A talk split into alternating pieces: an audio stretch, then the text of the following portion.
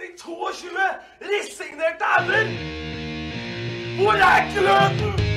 Hvor er engasjementet? Det er ingenting å tape!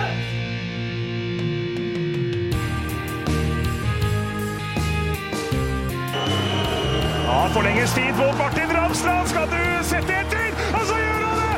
Martin Ramsland! Har du sett? Han kommer til å bli større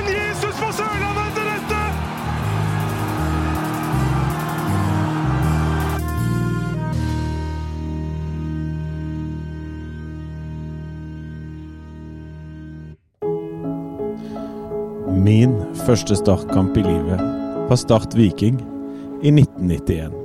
Min far og meg. 4-1 til Start og hat trick til Totto.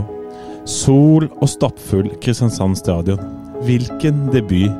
Jeg var frelst. Fortsatt er det min største opplevelse med idrettsklubben. Før 11. desember 2019. Det var en onsdag. Lillestrøm Start på Åråsen. Jeg var så klar. Det skulle bli mitt livs opptur.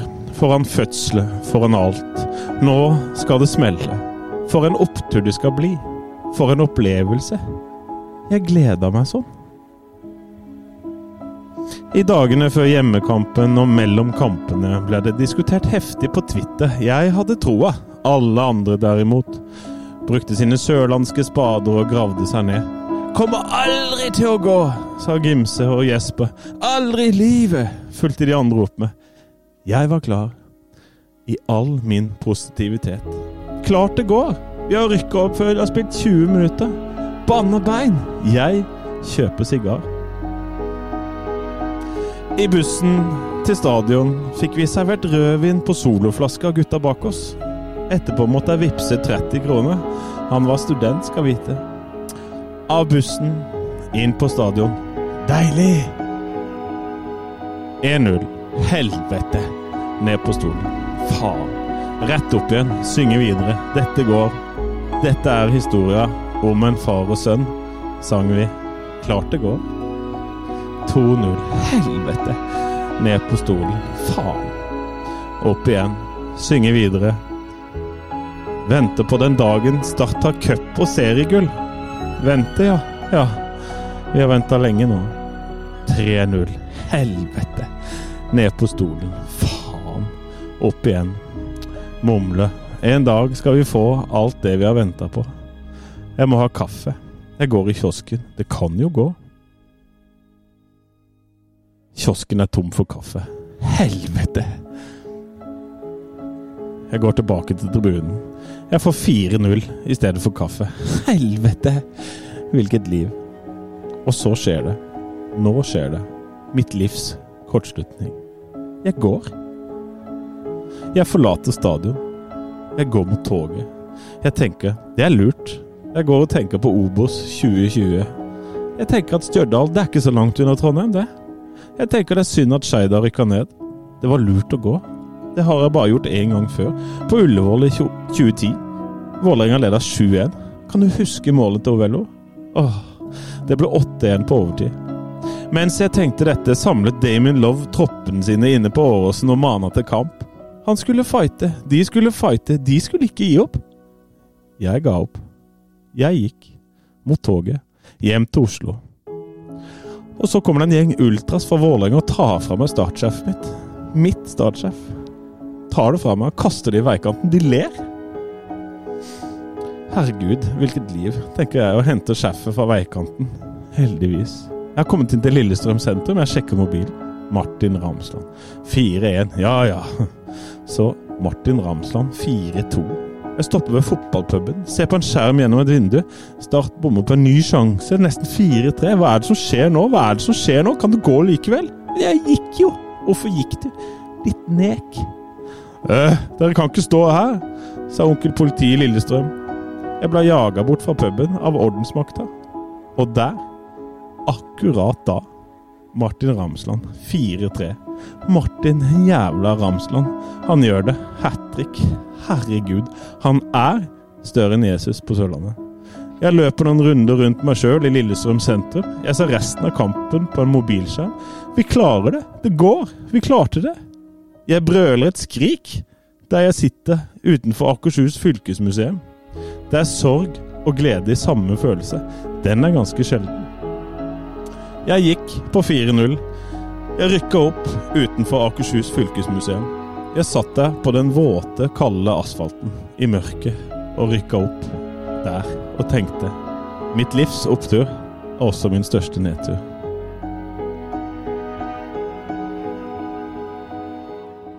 Herregud, Lars Benestad. Oi, hvis ikke dette vinner en nobelpris i et eller annet. Det er jo, jeg har ikke kjent Lars Benestad veldig lenge. Ja. Men nå, jeg, elsker det nesten. Det er faen meg det mest tåredryppende jeg har hørt i hele mitt voksne liv. Ja, takk. Det var, det var så vondt samtidig som det var så vakkert. Ja, tusen takk. Ja. Og dermed, med den tonen satt, så ønsker vi velkommen til det som egentlig skal være en gledens episode!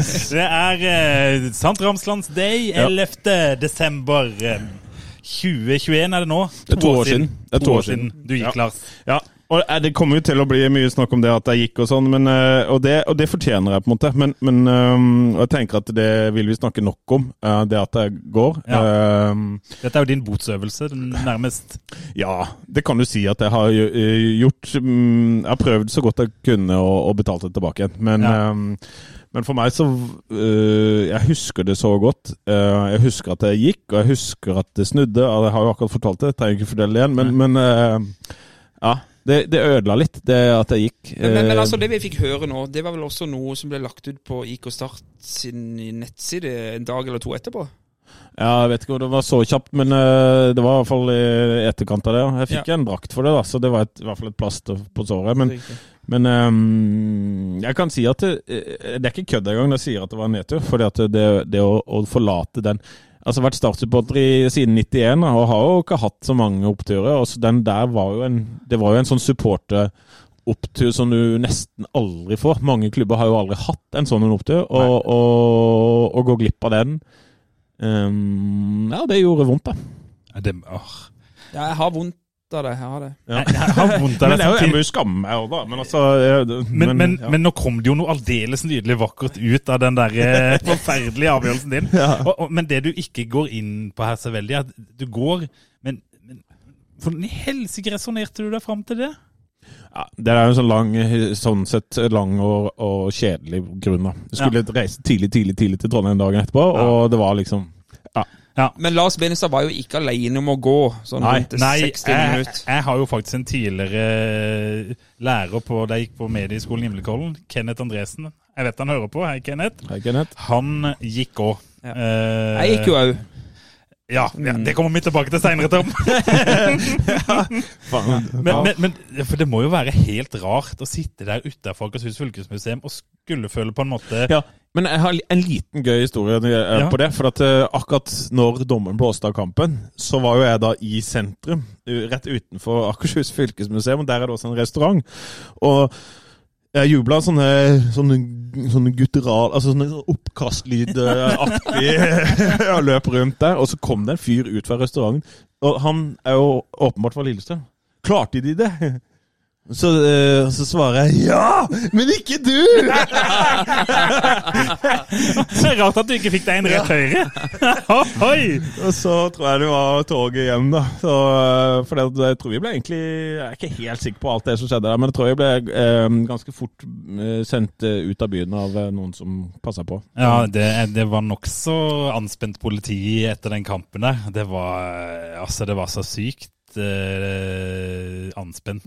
Eh, altså, Lowe, Damien Love fikk jo lov å sette flagg i- løpe rundt med flagget en gang inne på banen. Ja, det der er jo helt vilt. Ja, det, det er, eh, altså, det er en, en veldig overivrig sikkerhetsvakt der som, som gikk fullstendig Det var ikke ikke bare bananas. én overivrig sikkerhetsvakt. det. Vi kommer òg tilbake til senere. Ja. Nei, men vi kan ikke dvele så mye med min, min tabbe. Men vi sånn at, får litt sånn gjesteopptredener og sånn. Ja, her, Ja, vi det? har jo eh, henta inn eh, fint folk. Ja. Jeg vil si de mest sentrale karakterene Og hvem er det? kommer utover i podkasten. Vi har med oss mannen som kommenterte øyeblikket, Ja. Petter Bø Tosterud. Og Og så har vi jo med oss treneren. treneren Joey Hardasson. Og vi har jo selvfølgelig med oss mannen som er større enn Jesus på Sørlandet. Legenden sjøl. Legenden sjøl, mannen som har kosta Lars Benestad noen tusen kroner på hat trick. Det er det veddemål. Det, det er det verdt, ja. Det, snart får vel du en blomsterkvast du fra Var det Grane du sendte de pengene til? det kommer snart på døra. Eller en sånn Martin Ramsland-kake. Det Ja. syns jeg du skal få. Ja da.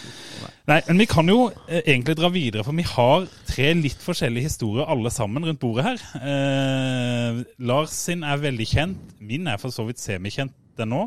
Tom sin kanskje ikke så mye, men jeg tenker at vi begynner med min lille gjengivelse av kvelden.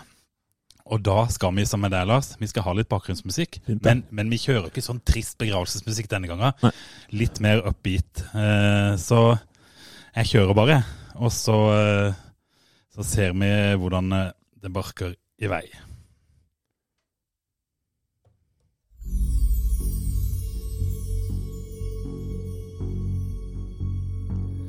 Klokka 18.59.49. Jeg kjenner at jeg egentlig har troa. Jeg bare tør ikke innrømme det, for det kan jo ikke gå, kan det? Halvannen time etterpå står startspilleren i ring. Samling i bånn mens hele Åråsen koker av glede. Jeg har gitt opp. Men i motsetning til en del andre blir jeg stående. Jeg blir alltid stående. Jeg går aldri. Ikke fordi jeg tror Start skal finne en vei ut av denne håpløse situasjonen, men jeg går aldri før fotballkamper er ferdig. Det er et prinsipp. Så, plutselig, ute av syne for meg, for jeg hadde en svær tribunestolpe som dekket synsfeltet, styrser Martin Ramsland inn 4-1. Jeg klapper høflig. Jo da, så fikk vi noe å juble for. Men det er så mye som skal til. 4-2. Kan det gå? Kan det faktisk gå? Det er jo bare ett mål. Ah, pokker! Da begynte jeg å håpe igjen. Håp er vondt, for håp er skuffelsens drivstoff. Jeg ser plutselig mannen foran meg stå med mobiltelefonen min i hendene. Den hadde visst flydd ut av lomma, men jeg fikk den igjen før jeg visste at den var borte. Så kommer en Lillestrøm-supporter i fullt firesprang ut på banen foran startfansen. Han vifter relativt lite elegant med sin midterste finger til, til fansen. Og mens vaktene drar ham av banen, og den ene har til og med ikke kommet seg ut av banen engang, biter Karma mister Langfinger historisk hardt i testiklene. Martin Ramsland gjennom. Tar et touch. Jeg rekker å tenke Klarer du det da, Martin? Klarer du det? Før hele Sørlandets Lasarus von Jesus legger ballen i lengste hjørne. Det var et stykke kunst. Vakrere enn noe som noen gang er malt. Oppstandelse. Og da mista jeg det fullstendig.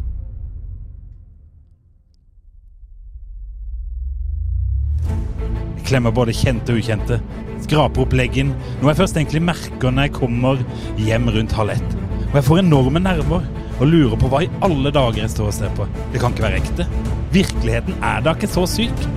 De neste 15 minuttene sitter jeg og gjemmer meg bak medsupporterne. Reiser meg litt, kikker, ser bort, gjemmer meg i jakka. Snur meg bort, ser litt igjen. Men når det er gått 99 minutter, tør jeg reise meg igjen. Kikker opp, kikker på dommer. Ser dommer heve fløyta til munnen. Ferdig. Eliteserien. Alt er tilgitt Start. Alle nederlag. 2-7 hjemme mot Raufoss. 1-8 borte mot Enga. 1-4 og Nerik borte mot Lyn i 2007. Miraklet Drammen blir som en parentes mot miraklet på Åråsen. Martin Ramsland, Damien Lowe, Joey Hardasson, Erlend Segberg og hele resten av gjengen. Tusen takk for å ha gitt en 36 år gammel mann den mest spinnville opplevelsen jeg har opplevd utenfor fødestua. Takk for at dere aldri, i motsetning til meg, ga opp. For at dere viste at alt er mulig om man bare tør å tro når alt er som svartest. Om 40 år skal jeg samle barnebarn rundt meg, så skal jeg ha eventyrstund. Jeg skal fortelle om den kvelden i 2019 da bestefar sto på Åråsen og skjønte at jo da, fotball er faktisk veldig morsomt. Fotball, bloody hell. Åh, var det sånn det var? Det var sånn det var. Oi, oi, oi. Oi, oi, Ja, oi. det var bra. Ja, fint, da. Dere er flinke. Åh, Jeg, jeg kan jeg, altså, Nå, vet du, nå kommer det inn. Nei, ja, herregud, da. Nei, jeg, jeg vil ikke ha sånn pompøs musikk i Nei. bakgrunnen. Nei, men du vet at vi fra austre delen av Agder vi er jækla pompøse. Lyriske. Ja, utrolig lyriske. Henrik Ibsen var tross alt Ja. eh, ter- Han var ikke fra Kristiansand, han. Nei, han var fra Grimstad. Nei, han var ikke fra Grimstad. Jeg bodde der en stund, men uh, tatt litt inspirasjon. Men den teksten du leste nå, det var Det var, det var noe jeg la ut på, på Facebook faktisk dagen etterpå, når jeg hadde kommet litt til hektene. Ja, riktig. Jeg har en sånn greie for å legge ut litt pompøse tekster Jo, når jeg opplever store ting i livet. Ja, ja. Jeg er jo skribent, vet du, så Ja. det, det kommer Nei, ja, litt det, til fingre. det er utrolig artig å høre. Ja, Absolutt. så det var, det var min, eh, min historie, og jeg, jeg kjenner, det er litt pinlig, men jeg får jo faen meg frysninger på hele kroppen Ja, men det, jeg det skal jeg ærlig innrømme at ja, de to historiene her, herregud, det hjelper jo med litt sånn bakgrunnsmusikk og sånn. ja, Det, men- det løfter på en Ja, måte Det hadde ikke blitt helt det samme uten. Herregud. Men det, det fins jo sikkert ja, 15 000 historier fra den dagen der. Det gjør det, men du har òg en ganske artig en. Eller Ja. artig, jeg vet ikke art. Du har en interessant, en spennende, Ja, jeg, jeg vil ikke gjøre den så veldig komplisert, jeg vil ikke gjøre den så veldig lang. Nei, gjør den akkurat som du vil, Ja, Tom. Ja, jeg gikk på samme tidspunkt som Lars Benestad, Ja. omtrent. Det, det føler jeg er underkommunisert. Ja, veldig. Eh, men jeg gikk ikke så langt. Det var det som var. Eh, det var vel rundt 60 spilte minutt. Eh, Start hadde jo kanskje levert ja, Jeg mener jo at det er det dårligste de har levert den sesongen der. Mm. De første 60 minuttene. Og det var ingenting som tyda på at vi skulle komme tilbake i den matchen der. Absolutt ingenting, faktisk. Eh, Og jeg sammen med Det var vel en Kenneth Maier, tror jeg, og et par stykk andre. Jeg tror min bror faktisk var med inn i miksen Ja, det kan der godt være. For han forsvant og kom tilbake igjen. Ja, riktig. Eh, Det som skjedde, var at vi går ned eh, til kiosken som er under tribunen. Jeg kjøper meg en cola. For de var tom for kaffe, vet du. Ja, eh, jeg tar med meg den colaen, og for de som har vært på bortetribunen i Åråsen, så kommer du da på ut og ned i, i hjørnet, nede ved hjørneflagget der. Eh, og vi ble Nei, mens vi sto i kiosken, så kom det et vanvittig brøl. Ja. Eh, og det var scoring til start. Ja. Headinga til Martin Ramsland, eh, 4-1-skåringa. Og Kenneth sa vel noe sånt som Hæ, var det oss? Altså, var det vi som skårte? Ja. Og det, det hørtes sånn ut, for du hørte at folk trampa liksom i tribunen rett over oss. Ja ja, så vi går bare ut eh, på utsida, altså på, med hjørneflagget nede i hjørnet der. Der har du sånn halvveis innsikt til banen. Så er det jo liksom, Vi må jo ha to til. Ja. Eh, Altså, I alle dager, Vi kommer jo aldri til å, ta, å, å få til to til. Men vi blir nå stående der. Jeg åpner colaen min og begynner så smått å drikke på den. Eh, vi får vel en, en eh, kjempesjanse, eh, tror jeg, som går ut til corner. Og plutselig så har vi litt trøkk. ja, ja. Så vi ser litt på hverandre med, og jeg lurer på om det var Andreas Nilsen og Kenneth Maier. Vi så litt på hverandre bare i alle dager. Så kommer da altså 4-2, og da skjønner vi ingenting. Og da ser vi liksom bort på supporterfeltet vårt, og ser vi at folk ramler over gjerdet og ned foran med vaktene styrer og ordner. Folk på, på liksom Ja, de rett og slett ramler ned fra gjerdet der, og jeg, jeg er helt i ekstase. Eh, Og så tenker jeg jøss, ja, vi må jo fremdeles ha et mål. Men det er klart at uh, stemninga endrer seg jo veldig. Nå hadde vi skåret to mål på, på tre minutter. Og jeg hadde så vidt tatt en slurk av colaen min. og dette, dette starttoget fortsatte jo å kjøre på. Um, og så var det jo ikke mer enn en to-tre minutter etterpå, så ser jeg en eh, idiot løpe over banen der og vise finger til Jeg husker jeg sa til henne Hva i all dager er dette her? For nå ser du tre-fire-fem Securitas-vakter ut rett foran Doimeland der og river han ned. Og, Ikke. Doimland. Det var foran uh, Nei, det er foran han lille som uh, ja, ja, eh, ja. keeperen, ja. Og får dratt han av banen. Og vi var jo, vi syntes jo det var litt sånn artig å følge med på, da. Så, så men plutselig så ser vi at Martin Ramsland har ballen i, i nærheten. Og er alene igjennom. Og setter han. Og da mister vi det totalt. Det vil si, jeg i pur glede og ekstase klarer å ramle over det der bitte lille gjerdet som er nede ved hjørneflagget der. Jeg kommer vel tre-fire meter innpå det. Jeg aner ikke hva jeg holder på med. uh, og der er det asfalt før du når gressplenen. Der blir jeg revet i bakken av eh, hvert fall to Securitas-vakter. Så jeg fikk altså noen voldsomme skrubbsår, og ja, stakkars meg. Ja, ja, ja, ja, det er jo Og det var Ja, jeg Altså, pumpa hoppa. Hjertet, det var Pulsen var skyhøy. Eh, du, altså, du mister det helt. Du var på vei hjem ja. for fem minutter siden. Ja. Så har du skåret tre mål. Ja. Så jeg ble jo da selvfølgelig geleida pent og rolig ut av stadion. Ja. Så jeg fikk jo ikke jubla noe mer enn i to og et halvt sekund, tenker jeg. Men så Eh, du resten av kampen da? Nei, også, ikke sant, så ble du geleida ut eh, utenfor stadion. Og der treffer jeg jo en 10-15 andre som ble kasta ut på dette 4-2-målet som vi var vitne til. til. ja, bare på 4-2 ja, ja, ja. det var, jo, det var jo en gjeng som ramla over gjerdet da òg. Jeg ønsker om Altså, det er altså helt idiotisk at Så ikke det sli, slippes siden igjen der. Nei, det er jo- det var så oversending. Nei, men, og det var jo litt av greia, for det var jo fremdeles et kvarter igjen av kampen når vi sto der ute, pluss tillegg, og vi var jo helt og vi, det, eh, Eppo, han, han gråt, og det var liksom Folk var helt Vi trodde ikke hva vi var vitne til. Ja, Og da tenker jeg på fotballkampen og resultatet. ja. En ting er at de ville ha oss ut av stadion, men det er jo en helt annen historie. Men, men så vi var jo en god gjeng på utsida der, og alle med hver sin mobil og liksom prøvde å følge med der. Og det gikk ikke an å se. Liksom, noe særlig av banen fra utsida der. Du kunne se liksom Vi kunne se vår tribunedel, så vi kunne liksom følge med litt på hvordan de oppførte seg, og avhengig av hvor ballen var og hvor trøkket lå hen. Så vi sto der, og vi sto jo selvfølgelig og prata med, med politifolket der og i det hele tatt. Eh, De tok jo ID av oss, politifolket der, og liksom sånn der eh, Og jeg er samarbeidsvillig som jeg Du kan ta min! Jeg viser i det, og denne hyggelige politidama sier at, eh, at eh, ja, etter kampen så er det fint at du drar bare hjem. Ja. Ikke du drar ned i, i Lillesund sentrum. Og jeg sa jeg har jo ingen plan om å ned i Lillesund sentrum.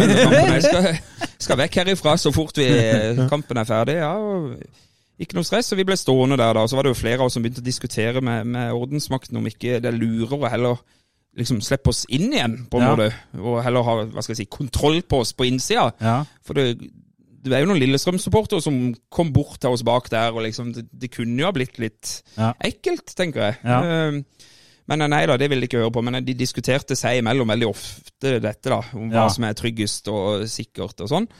Og vi sto og hang på dette her gitteret på utsida her og prøvde å se inn og høre. Vi hørte jo da etter hvert denne her eh, kinaputten som gikk av. og Omsider så blåses det fløyte der ute, og du ser på tribunen, eh, tribunen vår at eh, det jubles. Det mistes. Det mistes. Ja.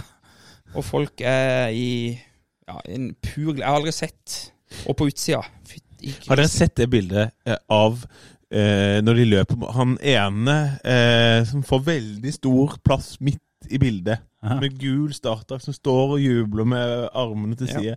Et nydelig bilde. Og jeg har sett meg sjøl. Jeg kan gå inn, jeg vet jo hvor jeg sto, så jeg kan se på tribunen på 4-3-målet spesielt. For da ser du liksom Martin Ramsland foran hele fansen. Og midt oppi der, rett ved siden av en sånn stolpe, så ser du en langhåra mann som har mista det aldeles fullstendig. Altså, jeg hopper og danser sånn fem meter til den ene sida, fem meter til den andre sida. Helt kokos! Jeg, jeg husker ikke et sekund av det som skjedde der. Men altså, ja, det var bra trykk på tribunen når Ja. dommen blåste av, men det var Herregud, det var tårer, alt mulig. Altså, vi på utsida. Altså, vi jeg klemte folk jeg ikke kjente. Og Det var rett før du klemte, klemte ordensmakten Ja, det var, det var helt, helt vilt. Så er det jo klart det er jo en historie i etterkant her. Ja. Eh, For lite visste vi at er vi som ble tatt i det. Helt tilfeldig hadde virka som. Du kan få mitt! Nei, jeg gjorde ikke det. Jeg, jeg hørte på hva de sa. Jeg Ja. eh, fortalte de hvem jeg var, og viste i det, og sa at uh, sånn er det. Jeg hadde jo ikke noen hensikter. Uh, men det ramla jo inn en, eh, et forelegg eh, til en god del av oss på den nette sum av 15 000 kroner. Litt mye. Herregud. Jeg, ja, det, det er egentlig en helt syk sum, med tanke på, på liksom det overlegget vi gjorde. Lovbrudd Lovbruddet, ja, ikke sant? Um, og det var jo Det har jo blitt litt sak om det i ettertid. Jeg, Ja. jeg var jo involvert i litt sånn presseoppslag om dette, for jeg bestrida jo dette ganske kraftig. Jeg syns jo det var en overreaksjon Mm. av, av politiet. Um, så dette engasjerte en um, advokat Mm. Eh, som har tatt saken for meg.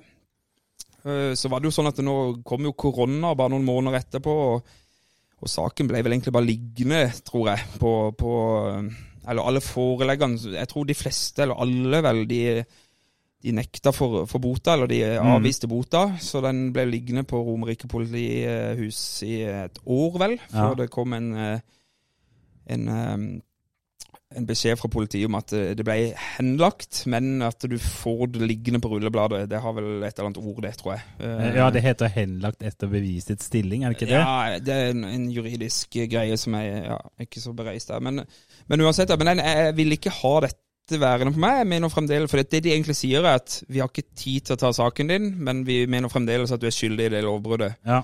Og det, det mente min advokat at er et sånn viktig eh, Eller hva skal jeg si en, Har en juridisk interesse, da. Ja. Uh, og er litt sånn uprøvd. Ja. Uh, og jeg sa meg villig til å, å ta dette hele veien. Ja. Uh, så den bota mi den ligger fremdeles der. Og den saken min er fremdeles på Romerike, nå to år etterpå. Og villig til å ta det hele veien og prøve det i tingretten, rett og slett. Ja.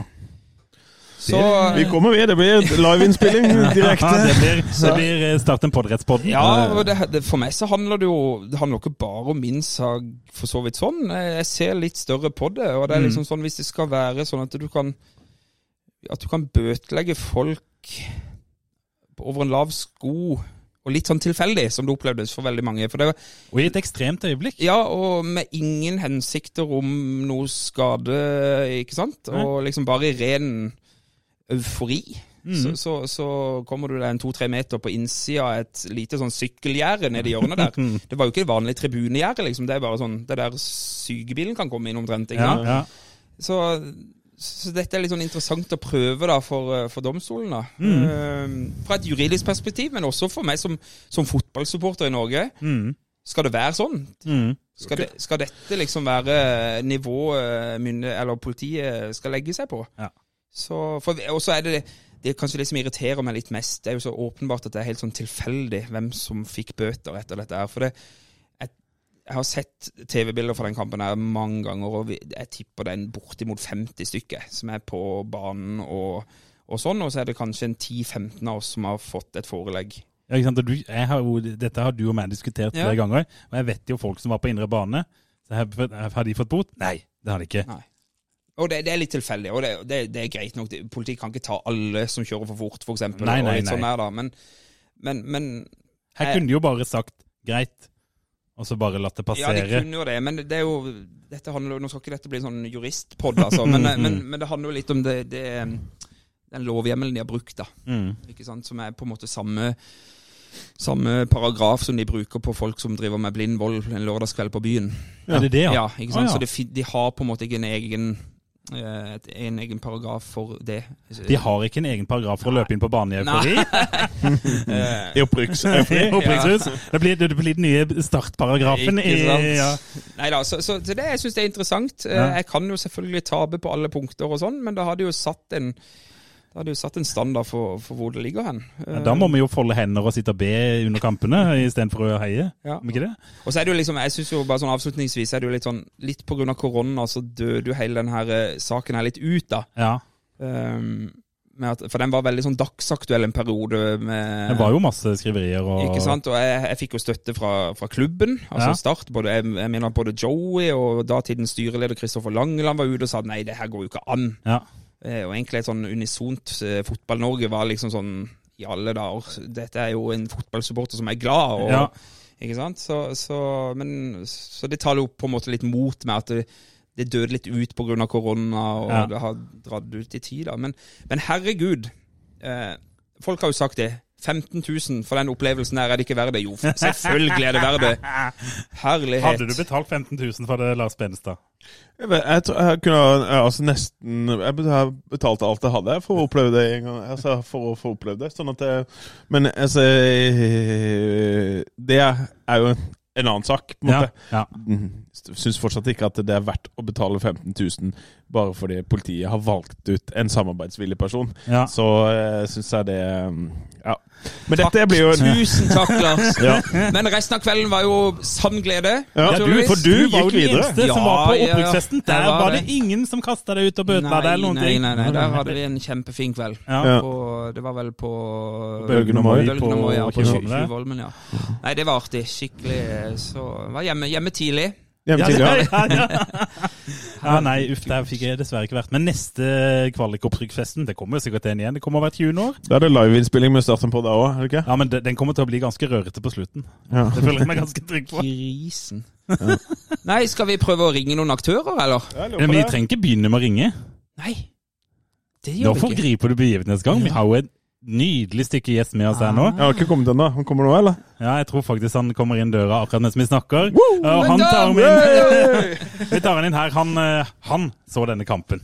Å, herregud.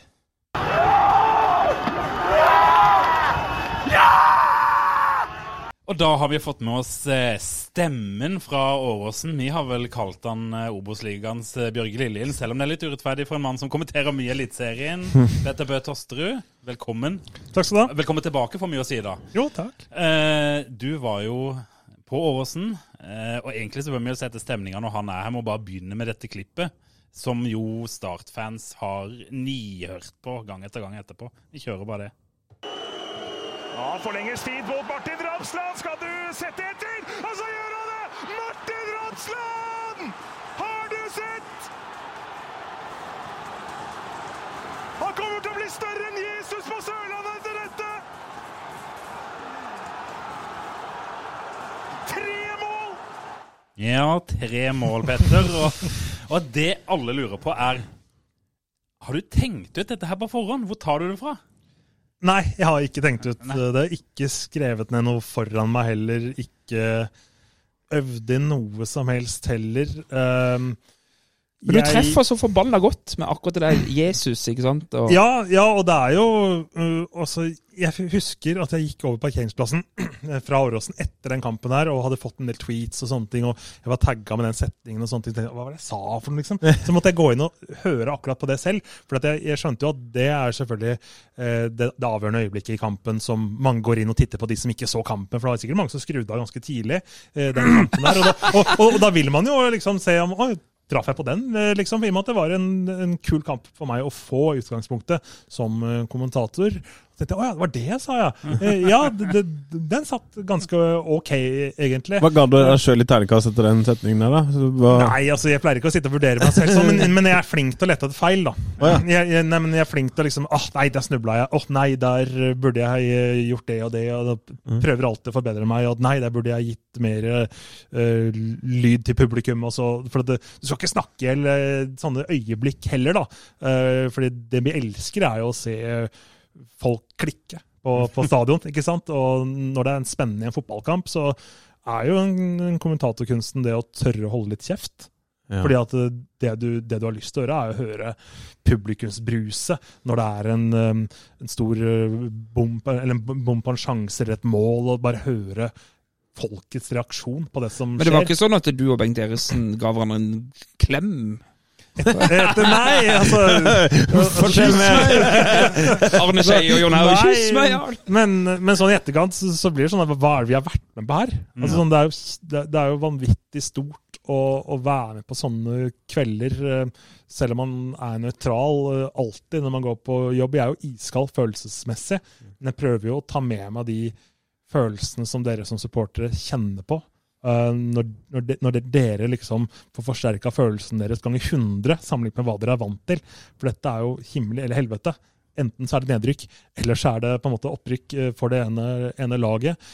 Og du ser tårene, du ser fortvilelsen til Lillestrøm-fansen. Det var vel etter 45 år så skulle de ned. Frode Kippe. Eh, og Frode Kippe, det sto skrevet i stjernen at han skulle komme inn og egentlig ødelegge for Start. da, Slik at det ble Kippes dag til slutt. Så det er jo minner som sitter utrolig godt uh, hos meg. Og jeg blir jo veldig ofte minnet på ak akkurat det som dere sier, større enn Jesus på Sørlandet. og som jeg sa, Det kunne blitt litt sånn klisjé at eh, man sier ofte det om Sørlandet og Jesus og sånne ting. Så jeg var redd for at den kunne være litt for mye. Da jeg så den, at folk tagga med noen tweets og sånne ting, at det bomma jeg litt der. Ble det litt for enkelt og opplagt?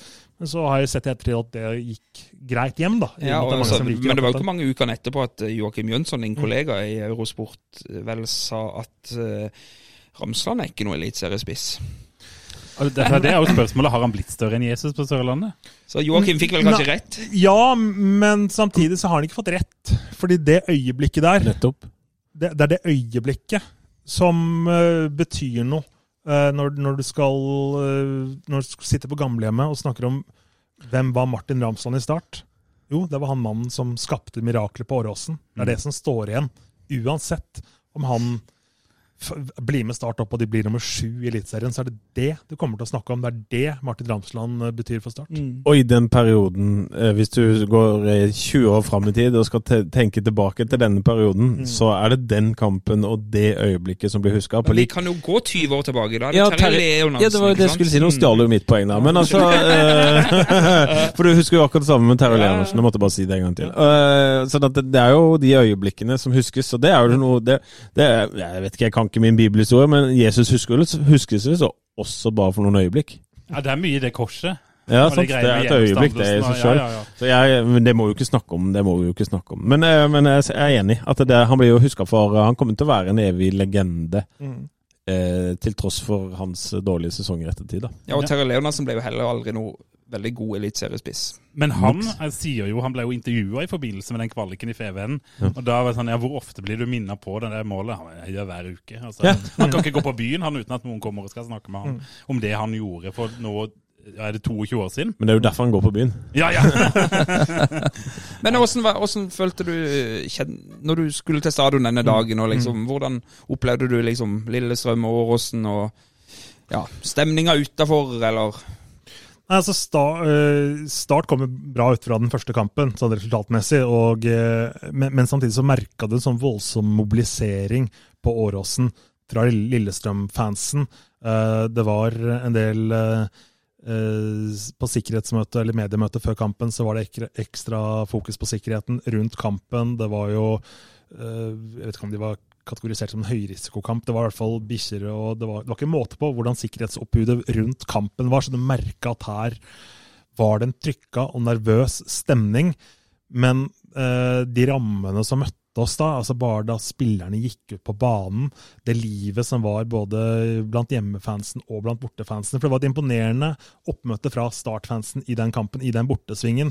Eh, jeg fokuserer mye på at det er dødt og som på Sparebanken Sør Arena fordi det er en stor stadion, det er lite folk der. Men det var liksom wow, dette, det er jo dette det, det er dette vi har venta på. En sånn kamp eh, med så mye på spill.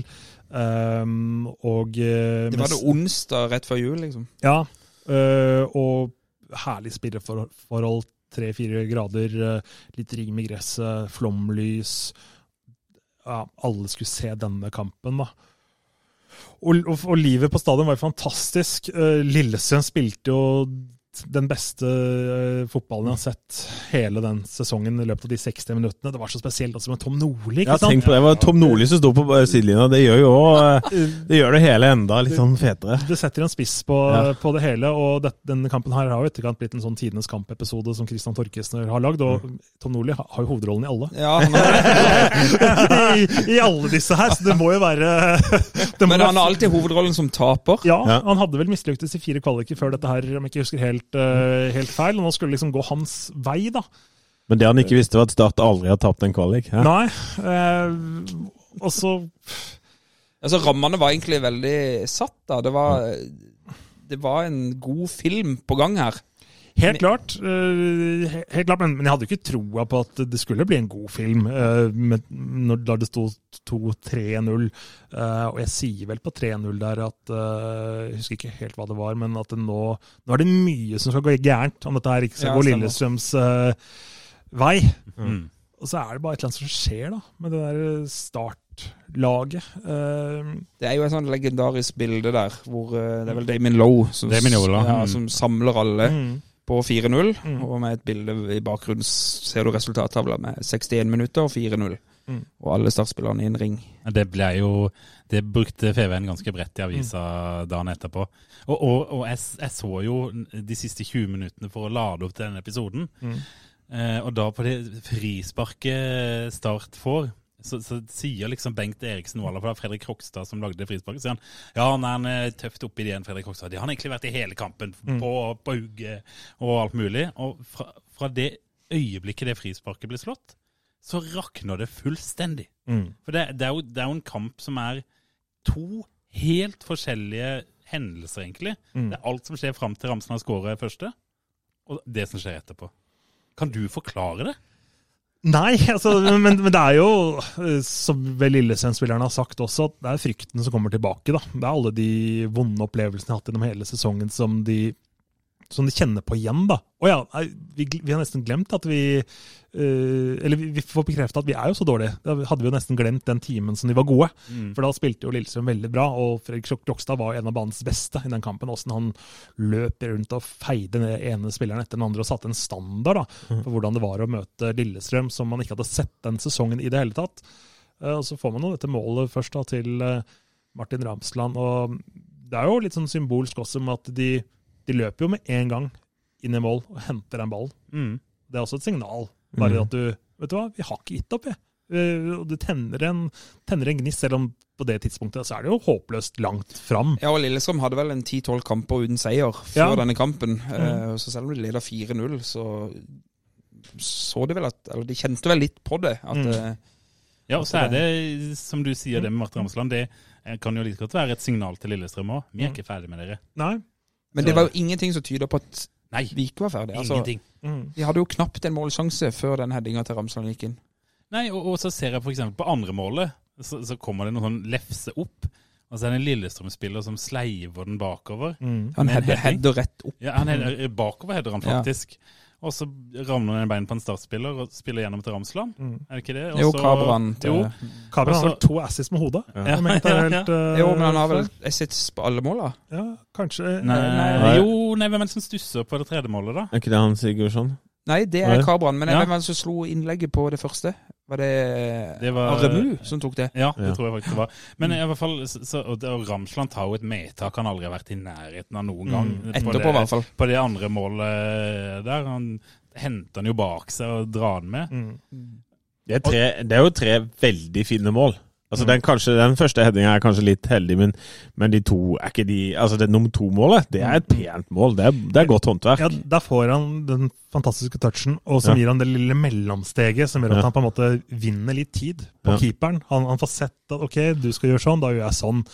Og han, han avslutter på en sånn måte at du tenker at oi, dette er en spiss som har skåra 20 mål på de siste 20 kampene. Altså, Han virka som at han var i ekstrem form akkurat der og da. mm.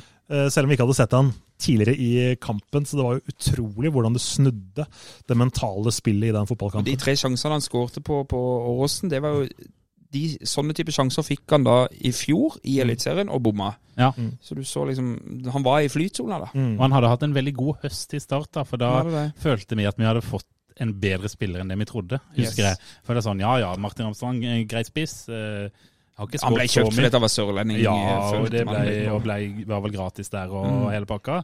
Men så plutselig så Han eh, skårer jo masse mål utover høsten. Det var kjempeviktig for at Start var med i toppen der. Mm. Og så kommer Åråsen. Mm. Men, men hva tenker du på 4-2 der?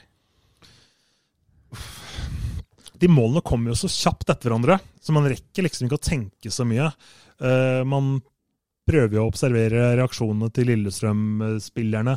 Hvordan eh, skal de svare på dette? Kommer det noe grep fra benken til Lillestrøm? Frode Kippe hadde jo varmet opp ganske lenge gjennom hele den eh, perioden der. Eh, det er vel tre mål på 5 minutter og 50 sekunder, eller sånt, så, så, man rekker liksom ikke å tenke så mye. Det går altså så vanvittig fort. Så ser du at det blir bare full fyring også i startsvingen. Mm. For det, der var man jo litt eh, resignerte, selv om jeg uh, roser stemninga sånn, så var det jo voldsom, et voldsomt kok blant Kanarifansen. Så, så, så våkner jo liksom fansen bak mål også og gir den energien som startspillerne trenger. For at OK, nå har vi klart å skåre de tre målene, men kampen er ikke ferdig. Altså, er- man glemmer jo nesten de der siste ti minuttene der, uh, med alle overtidsminuttene, den eh, det, det svarte røyken fra LSK-fansen som måtte er litt sånn symbolsk, det også, med at nå har de kommet til helvete. Eh, Noen av oss var jo på utsida når den røyken og det kom, men det var jo også et vanvittig drønn. Var det ikke en, en liten håndgranat som òg gikk av den jo, jo. svingen der? Jo, for det er jo akkurat det jeg sa at jeg så det igjen. Jeg så liksom når de begynner å hagle inn disse her uh, svarte tønnene. Vet dere hvem som begynner å kaste bort den svarte Ja, det er jo Lowe, er det ikke det? Det er Damien Lowe. Han var, over, han han var overalt den siste halvtimen. Han, ja, var, han det, han spilte alle posisjoner den siste halvtimen. Ja, ja, nei, men Han skal jo ikke rydde, men, men så får de et kast etterpå, og da blir det hevet ut noe som er en kinaputt. Så da er det Lillestrøm-spilleren som liksom står og holder seg litt for ørene. Men og- eh, fikk du med det, Petter, fikk du med det når han, eh, han supporteren som løp rett før skåringa der? Ja, jeg eh, så det ute til venstre fra min posisjon, så vidt jeg husker. Og det skjedde jo da rett før den siste skåringa, Ja. var, det vel? Mm. Uh, Det var jo en Securitas-vakt inni 16-meteren når Ramsland mot ballen. ja, men, men jeg husker ikke helt hva TV-seerne fikk med seg heller. For det var på en måte i et angrep, og så Ja. kan du ikke si ja, nå skjer det utafor bildet. Men uh, jeg synes, altså, du må jo forholde deg til det som er mest interessant for TV-seerne eh, også. Så jeg husker ikke helt hva vi sa om det, men det var liksom egentlig ikke så overraskende at, det bare, at, at, det, at det er en random fyr ute på banen og, og rekker finger. Altså, den kampen her hadde jo absolutt, absolutt alt. Tom Nordli mente jo selvfølgelig at målet burde vært avblåst. Ja, og det er jeg helt Mm. uenig i. Ja, i. ja, de ble, Ja, de ble ikke forstyrra. Nei, og så var det jo mye diskusjon om hvem, hvem den, hvilket lag denne mannen heide på. Ja, det har også vært en lang historie. Ja. Det endte vel opp med at han var Vålerenga-mann. Ja, Nei, de, de lærde strides. La oss si det sånn. De lærde strides. Ja, nei, men det, det var i hvert fall jeg, jeg husker at jeg banna og steika litt mot han torsken som mm. Ja, for du var fremdeles inne der, Jeg var det, Ja. i motsetning til enkelte andre her. Nå, nå ser Lars ut som han er i ferd med å Nei da, det skal bli godt å bli ferdig med denne episoden. Det Ja, skal det. men eh, litt eh, også, Jeg refererer ofte til før sending eh, når jeg har gjester her, men du nevnte litt om hvordan du opplevde trykket på Åråsen etter kampen. og liksom Ja, fordi i utgangspunktet etter kamp så har vi um, en plan om at vi skal eh, kjøre, kjøre intervju live ute på banen, typ foran uh, hjemmefans eller bortefans, sett ut fra hvordan kampen ender. da. Det er en plan vi legger, og at vi skal kanskje intervjue en spiller, en trener, for å liksom dyrke stemninga, hvordan det er akkurat nå. Eh, Men det blir veldig kaotisk. Eh, Jeg løper ut på banen der, eh, og jeg er en av de få da som, i og med at vi er rettighetshaver, har lov til å gå egentlig hvor vi vil. Men da tar politiet grep, og sikkerhetsvaktene der grep, og sier at nei, glem det, dere får ikke lov til å være ute på banen, det er for farlig. Stemninga er nå så så trykket her, med tanke på at det var så mye aggresjon hos Lillestrøm-supporterne. Eh, spillerne eh, ble jo beordret til å komme seg inn, og spesielt Lillestrøm-spillerne. eh, fordi at det var dem hatet var rettet eh, mot, og følelsene eh, var jo selvfølgelig sterke. og vi må løpe inn, eh, og står da i den trange eh, spillertunnelen til eh, Lillestrøm der, og eh, litt sånn kaotisk for oss, fordi plutselig så vi må gjøre om planene våre, hvor har vi dekning med kameraer og sånne ting, vi vil inn i startgarderoben, eh, Petter, skal du, gjøre, skal du gå live der eller ikke, så, det er bare kaotisk da, og vi, har, vi bestemmer oss for det og det, så sier politiet nei, og man er stressa, da. Altså, ikke vi, men, men for at, det, at dette var en situasjon som man ikke er helt vant til da, på norske fotballarenaer. At uh, Lillestrøm-fansen kommer jo og rister i den derre Ja, plast... Uh, plasttunnelgreiene. Ja, ja, ja. Og, og det kommer jo bikkjer ut på banen med, med, sånne sånn Visir eller noe sånt. ja, sånne der beskyttelse, slik Ja. at de skal se enda, enda tøffere ut enn de kanskje er, disse, disse bikkjene.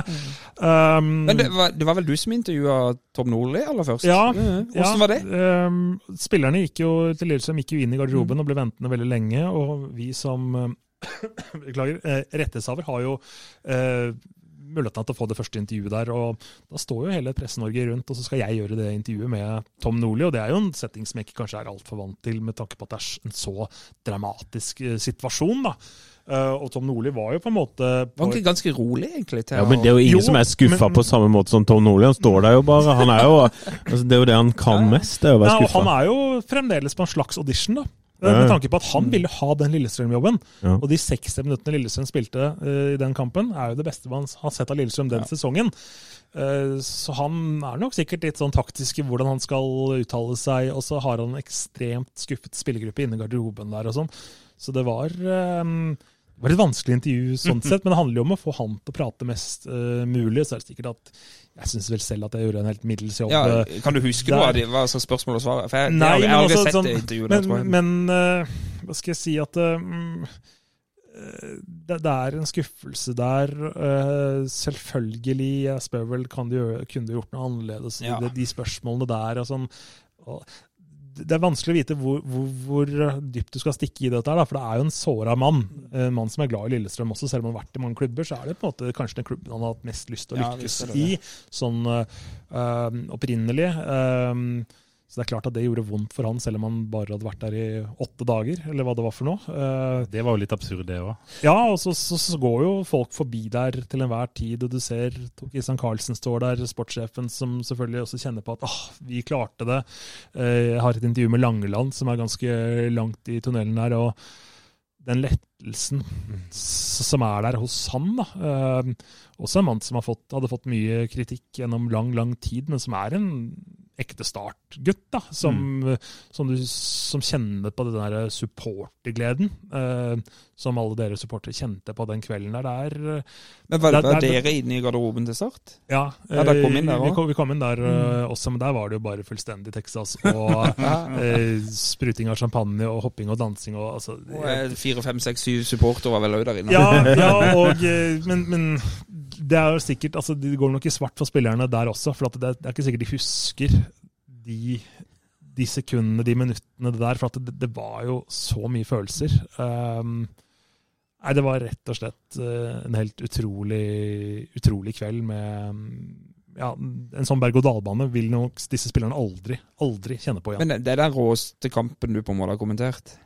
Ja, altså, jeg har kommentert veldig mange Sånn dramaturgisk, fotballkamper. Og jeg har kommentert mye dramaturgiske, spesielle fotballkamper også, men sånn det å være så tett på, da, som vi er så heldige å få lov til å være på i norsk fotball, kontra andre ligaer og sånne ting, hvor du er en av 50 som skal gjøre det samme intervjuet med den og den aktøren, så får du være så tett på. og man kjenner jo en del av disse spillerne og trenerne på en litt annen måte enn i utenlandske ligaer. Som du står jo og, og prater med dem på flyplasser og treffer dem litt her og der. og eh, Du får en slags relasjon til dem. da, og Som Fredrik Rokstad sa i pauseintervjuet, at eh, for Lillestrøm sin del så spiller de om arbeidsplasser. Ja. Det var mange på Åråsen som mista jobben sin den dagen der. Det var mange som måtte gå hjem og si til kona si at vet du hva, det huset vi har sett på, på det byggefeltet ved siden av der, det kan ikke vi kjøpe. Siden Martin Ramsland ødela den drømmen. Tenk på det, Nei, men, altså, det er veldig, men det er noe nydelig med det òg. ja, men det, er veldig, det er så mange mennesker som blir påvirket av en sånn fotballkamp. Det er det som gjør fotballen så spesiell. Og det er mange som ikke liker verken Lillestrøm eller Start, som kanskje ikke noe så det der i opptak, fordi at det er noe sånt de har lyst til å oppleve med sin klubb. da. Eh, Jeg vet jo om noen på Oslo øst Ja. som ble veldig Jeg jeg er nokså sikker på at eh, Martin Ramsland kan få servering gratis på Bohemen fremdeles. Ja, og selv for min del, selv om eh, for meg er det jo sånn helt personlig det samme for meg hvem av Lillestrøm og Start som går opp. Jeg håper på en kul fotballkamp, en kamp som lever lenge. Det fikk du. Og, og, når, jeg, kommer og når jeg kom hjem den kvelden der, liksom Jeg klarte ikke å legge meg. Nei, altså sånn, der, i, i, sånn er det jo ofte etter andre kamper eller andre ting. ting jeg må liksom vaske huet, jeg må, må, må bli ferdig med det. Så ikke ligger jeg bare og surrer og tenker på den kampen her og sånn. og det er et, eh, et minne som jeg kommer til å ha med meg. Altså. Ja, nei, det Uff. Ja, jeg ble vel liksom varm om hjertet, og uff. Ja. Og det, og det ja, Får vi oppleve det igjen? Ja, Det det håper jeg. sånn- Nei, men jeg, jeg kikka på litt sånn statistikk fra kampen, og sånn, og det var overraskende jevnt, sånn hvis vi ser på skudd og skudd på mål, og ja, for så vidt ballbesittelse også. Vi, Lillesand hadde 13 skudd, Start hadde 16. Altså, alle var- de, det var- de 16 må komme etter 70. minutt. Ja, jeg tror det. Og mye vådeskudd. Ja, det var det nok òg. For det, vi var altså et, Det er den dårlige Altså, de første 60 jeg har, jeg har ikke sett Start så dårlig på Det var mange år, tror jeg. Ja, det var De ble elendig. pissa på i 60 minutter. Og så skårer tre mål, og så går hele kampen i oppløsning. Ja, det er helt uh, sjukt, egentlig, at det ble sånn. Og når, når du visste ved etter 60 minutter at du måtte skåre tre for å klare det Det var ingenting som tyda på det. For én ting var det hvis, vi, liksom, vi, hvis det var vi som førte kampen, vi skapte litt uh, halvsjanser og sånn. Det var ingenting. Null og niks! Null. Absolutt ingenting. Så at Lars Benestad valgte å ta beina fatt, i likhet med andre, det skjønner jeg veldig godt. Skjønner jeg veldig godt. Men det var godt ikke Martin Ramsen gjorde det. Nei, han gjorde det strake motsetning. Ja. Mm, det er helt riktig. Det var kult å høre hva han syns om eh, den kampen, da. Det kan jo hende at vi får det straks. Skal vi ta og høre med han? Ja, vi gjør det. Si takk til Petter da, for at du svingte innom og fortalte om din Åråsen-historie. Vi ses neste episode òg, eller? Dere får lage nye. Veldig hyggelig. Og da har vi jo fått med oss mannen som Petter Bø Tosterud eh, sa ville bli større enn Jesus på Sørlandet. Martin Ramsland, velkommen til Start en pod. Tusen takk for det. Du, vi skal jo skru eh, klokka tilbake et par år til 11. desember 2019 på Åråsen. Eh, Hvor ofte blir du minnet på den kampen, egentlig? Det er titt og stadig, det. Ja. Av, av både venner, familie og nære og kjente og ja, alle slags folk som eh, ja, Kanskje spesielt mest av de jeg ikke kjenner, som jeg møter på butikken eller på gata. Så er det ofte det som blir samtaleemne. Er, er, det, er det like gøy fremdeles å bli minnet på det?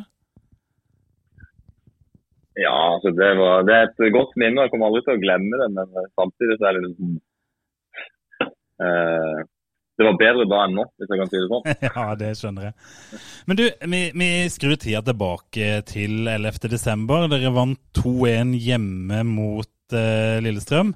Uh, hvordan var inngangen til den kampen den kvelden, det du husker? Eh, vi hadde jo hatt en god høstsesong og var jo i flyt og i form og hadde mange spillere med, med, med selvtillit. Eh, I motsetning til Lillestrøm, som vi visste på, på at var på nedadgående og hadde tapt uh, kamper stort sett gjennom hele høsten. Så jeg følte jo at vi gikk til den kampen med virkelig tro på at, uh, at vi kunne slå dem over to kamper. Så det var jo egentlig inngangen til første kampen at vi, vi skulle angripe dem og hadde tro på, på å ta dem. Ja, og Var det litt sånn at dere diskuterte dette her? At, eh, at eh, Lillestrøm, hvis vi bare liksom får, får såra de litt, får tatt de litt, så, så kan det hende at de får litt trøbbel med det mentale? Ja, vi snakka jo om det, vi, vi spiller alle sammen. Det var jo som eh, tema eh, på, på trening i dagene før her. Og så, og så merka man det jo òg på trenerteamet på en måte at vi, eh, vi la opp eh, taktikken og kampplanen sånn på samme måte som vi gjorde når vi var favoritter i de kampene i Obos-ligaen. Det var ikke noe annerledes den kampen eller de kampene. Du, du fikk jo en del kritikk eh, for at du la det litt lett på det straffesparket der, og så hadde du den lille beefen med, med Tom Nordli i pressesona etterpå. Hva, hva gikk gjennom hodet ditt deg i den intervjusona der, for der, der var du stor? Ja, det er jeg meg jo selvfølgelig. det, det er jo lett å gå der etter man har på en måte eh, gjort det bra og vært med i, i si, på en positiv måte i de kamper vi har hatt eh, situasjoner. Så Men, men skjøn, skjøn, skjønte du allerede da at du på en måte kom til å bli liksom ja, hata litt av Lillestrøm, for det var jo åpenbart at det var et sånn relativt billig, billig straffespark. Så eh, tenkte du noe på det før Åråsen-kampen? Nei, jeg gjorde egentlig ikke det. Eh, Det var liksom, den, den første kampen var liksom den første kampen. og så mm, ja, så var vi også forberedt på at det kom til å bli en annerledes kamp eh, på Åråsen. Eh, Men det er klart at igjen og det selvtilliten og troa liksom, ble bare forsterka etter at vi var eh, klart best i den første kampen og viste at vi, vi kunne slå dem. Så vi hadde jo kanskje enda større tro på at eh, dette skulle vi klare etter den første kampen. Og så, så begynner jo den andre kampen på helt forferdelig vis med mål etter, etter ett minutt. Ehm, altså, hvordan opplever du en sånn start på en sånn kamp? At, eh, at det er gått ett minutt, og så har jo egentlig Lillestrøm ledelsen da i, i det dobbeltoppgjøret? Typisk start, tror jeg kanskje jeg tenkte. ok, så du tenkte akkurat det samme som alle på tribunen? Ja, i, i eh, et sekund eller to så gjorde jeg nok det. Ja. Eh, I hvert fall når den andre kom, ja det tok og ikke så lang tid. garantert når den tredje kom. Mm. Men det er jo sånn på en måte, du, du står jo oppi det, og det eneste du kan gjøre noe med det, er jo deg sjøl. Jeg sto ikke på tribunen denne gangen og, og følte på det. Så, så ja, prøvde bare å fokusere på å ikke gi opp. og ja, Vi spilte jo ikke bra heller. Sånn, det, var ikke, det var ikke noe som tyder på at vi skulle klare å skape én sjanse. Men eh, Jeg, jeg mener at den første, om, den første omgangen der må vel ha vært det dårligste hele sesongen. Ja, det var ingenting vi hadde jo omtrent uh, pasning i laget i det hele tatt. Så vi ble fullstendig overkjørt. Tapte dueller. Uh, ja, ble egentlig trykka noe voldsomt. Så Men var det noe med, var det noe med inngangen her, Martin? Var, hvordan var liksom trøkk i garderoben før kamp? Var det liksom, var folk gira, eller var det Kunne du kjenne det? Vi var på gira. Ja da, vi var gira og, og, og på en måte Jeg tror vi var klare til kamp. Forberedt eh, taktisk. Eh, eh, og som jeg sa tidligere, så hadde vi jo troa på at vi skulle reise til Åsen og vinne. Vi skulle liksom ikke forsvare den ledelsen. Men eh, jeg tror vi ble liksom litt prega av sjokk nesten de første eh, minuttene. der, Trøkket på Åsen, det var mye liv. Det var voldsom entusiasme i det laget de første minuttene. der, Og så fikk de den skåringa så tidlig også, som, eh, som ga de ekstra energi. Så vi ble litt satt ut av det. tror jeg. Ja, altså, og så kommer jo 4-0, og da er vi jo over i de tinga som står skrevet i starthistorieboka. For da har vi det klassiske bildet som Feven trykka, av dere som samler dere i uh, en ring uh, på banen. Og Den har jo blitt nevnt mange ganger, den historien, men hva er det som blir sagt da, egentlig? Uh, nei, hva er det sånn direkte? Jeg tenker ikke om jeg husker, men det er jo mange som sier, sier en del. Damon sier vel noe, og jeg sier noe. og Jeg husker det er Ropstad som sier noen ord. Men det handler jo sånn stort sett om å ikke gi opp. Uh, bare, vi, blir vel enige om å peise ballen bare opp og så håpe på det beste. Eh, vi, vi, flytter, vi flytter vel Damien opp også, som spiss, gjør vi ikke det? Jo, Vi slår, langt, så vi slår litt langt mot han. Uh, så det var ikke noe sånn uh, voldsom uh, dybdeanalyse av hva vi skulle gjøre. Det var bare enkelt og greit. eh, vi gjør et siste forsøk. Og på dette tidspunktet cirka, så er det jo noen blant oss som forlot Åråsen. Lars Benestad. Ja. Det, er jo, det, er jo, det er jo livets tabbe, da. Ja, Ja, jeg er jo fryktelig lei meg, Martin, for at jeg, at jeg lot deg stikke inn på den, det viset. Og det Jeg har jo betalt min pris nå i ettertid, da, så, eh, så jeg håper at vi at jeg snart får tilgivelse. Det jo, jeg opplever jo kanskje at jeg har betalt den største prisen selv. Det for Når dere snakker om dette her, så har jeg jo fortsatt bare sorg i hjertet mitt. Men du, hva, hva tenker du om den historien om Lars som stakk der? Hva tenker du? Nei, du nevnte jo inn, eller du spurte meg innledningsvis om hvor ofte jeg ble minnet på denne kampen, men det er vel, eh, du kan vel stille det samme spørsmålet til Lars. Han blir på at han, han ikke var til stede. Så, Det er, eh, det er daglig. Nei, men så, så begynner jo målet å renne inn. Det første er jo en nydelig heading. Eh, som kommentatorene så Jeg så he hele 20 minuttene igjen. Kommentatorene mente den kanskje var litt heldig. Ja, men det var han jo nok. Eh, Det var jo en heading på 16 meter. Som det er jo som det er på alle målene, så var det jo, det er jo små marginer. Den skal være en perfekt bue. Det er jo ikke spesielt hard heading, det er ikke spesielt hardt innlegg. så det blir bare liksom, For meg så handler det bare om å få han mot mål. Mm. Og så går han jo opp i hjørnet og en bue som er stor nok til at keeperen ikke tar den. Men, men Martin, da skjønte du at Start aldri taper en kvalik, sant? Du fikk jo Jeg vet ikke om jeg skjønte det. Altså, det var vel eh, det var vel eh, når dommeren blåste at jeg tenkte noe lignende. Ikke før den tid. Nei, for at du løper jo veldig fort inn i mål og henter ballen ut. Det, og liksom legger en midtstreken gang i gang igjen. Og så kommer jo pokker meg det andre målet med det der Messi-touchet ditt i medtaket ganske fort. Mm. Det, det er jo ja, det mentale aspektet i det. Vi visste jo at Lillestrøm var vant til å tape kamper hele høsten, og at de hadde tatt mange kamper mot slutten. Og Man merka det jo på dem at eh, når, når vi realiserte det, at eh, de ble nervøse. Det var mye kjetting og smelling og eh, negativitet. Da. Så det ga oss jo troa på det igjen. Eh, og spesielt når den andre kommer så kjapt etterpå, så tror jeg alle sammen tenker at eh, dette kan gå nå. Nå tar vi deg, for å si det på uh, Vevik-dialekt. Ja, Det er et verdensklassemål, det der. Ja. Men, men uh, før vi da pendler oss inn på mål nummer tre, så skal jeg ta spille noe du sikkert har hørt før. Uh, men eh, jeg tror vi skal koste på oss å høre det eh, når, når det nå en gang er det tredje målet vi skal snakke om. Så her kommer Petter Bøs Tosterus gjengivelse av ditt mål. Ja, forlenges tid mot Martin Ramsland. Skal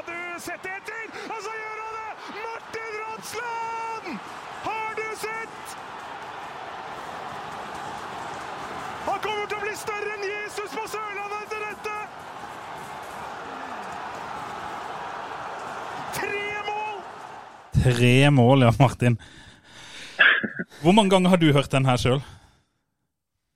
Nå, det har jeg ikke tall på, men eh, mange ganger. Jeg fikk fortsatt uh, frysninger i den uh, dag i dag. Ja. Så Åh, ja, det er godt alltid å hyggelig å høre og se på, uh, på de klippene der.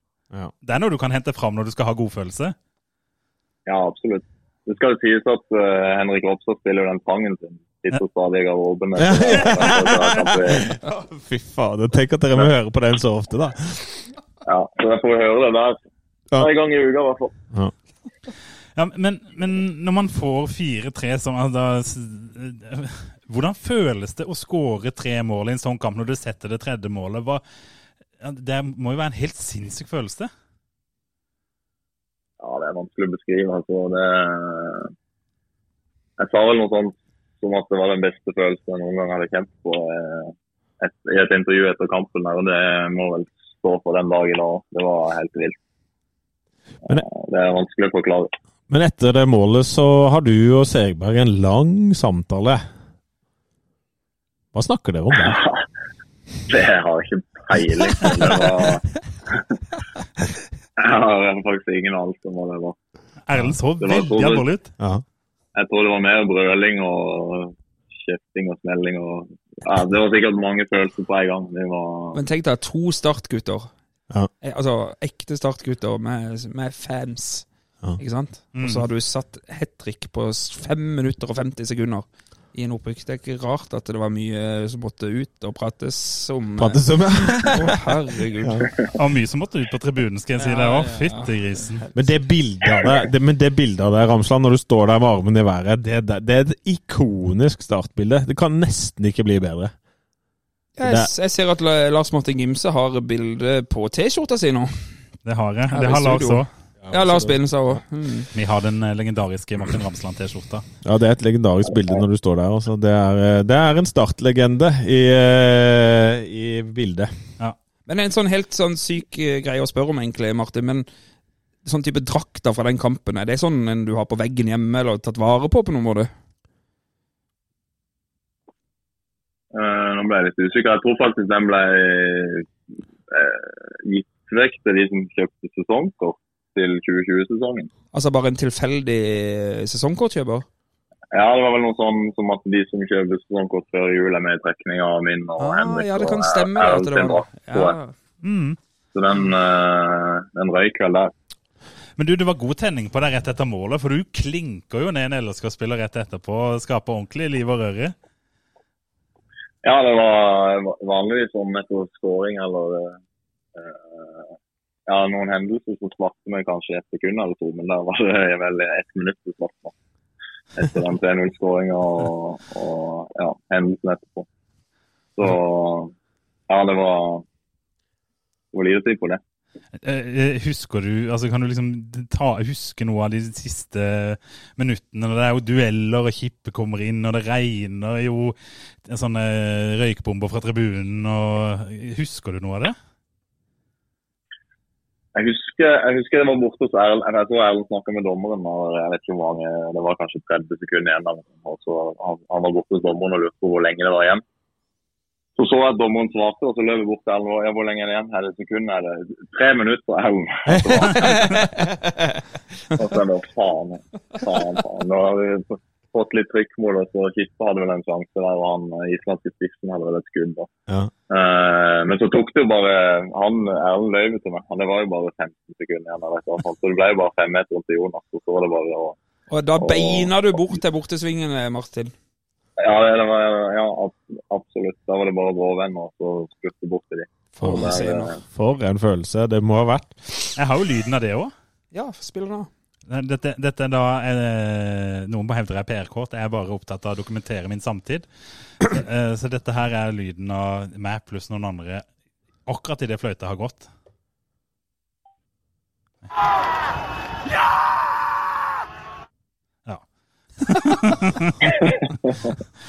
det var sånn det føltes.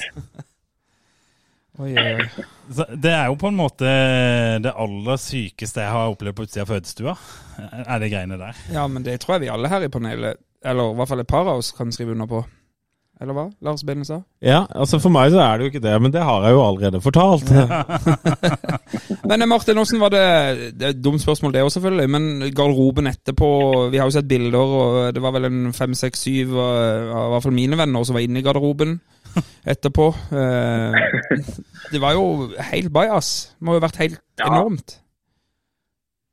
Det var, det var merkelig scene i garderoben. Eh, altså, det var jo eh, mye glede, det var jubelrus og det var masse glade folk. Og det var jo like mange journalister som det var spillere og støtteapparat inne i garderoben. Så, eh, og så var det jo politieskorte fram og tilbake. og det var det, det ble litt sånn merkelig stemning etter de, eh, de, de villeste jubelscenene var ferdig.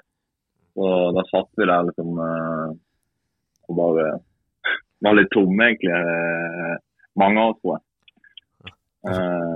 Så det ble liksom ikke noe skal si, opprykksfeiring utover den spontane jubelen før en eller to timer seinere, når vi kom oss ned. Ja, men jeg, jeg traff Jeg var der sjøl, på, på Bølgen og Moi på Aker Brygge, eller på Tjuvholmen, på det burgerfesten deres.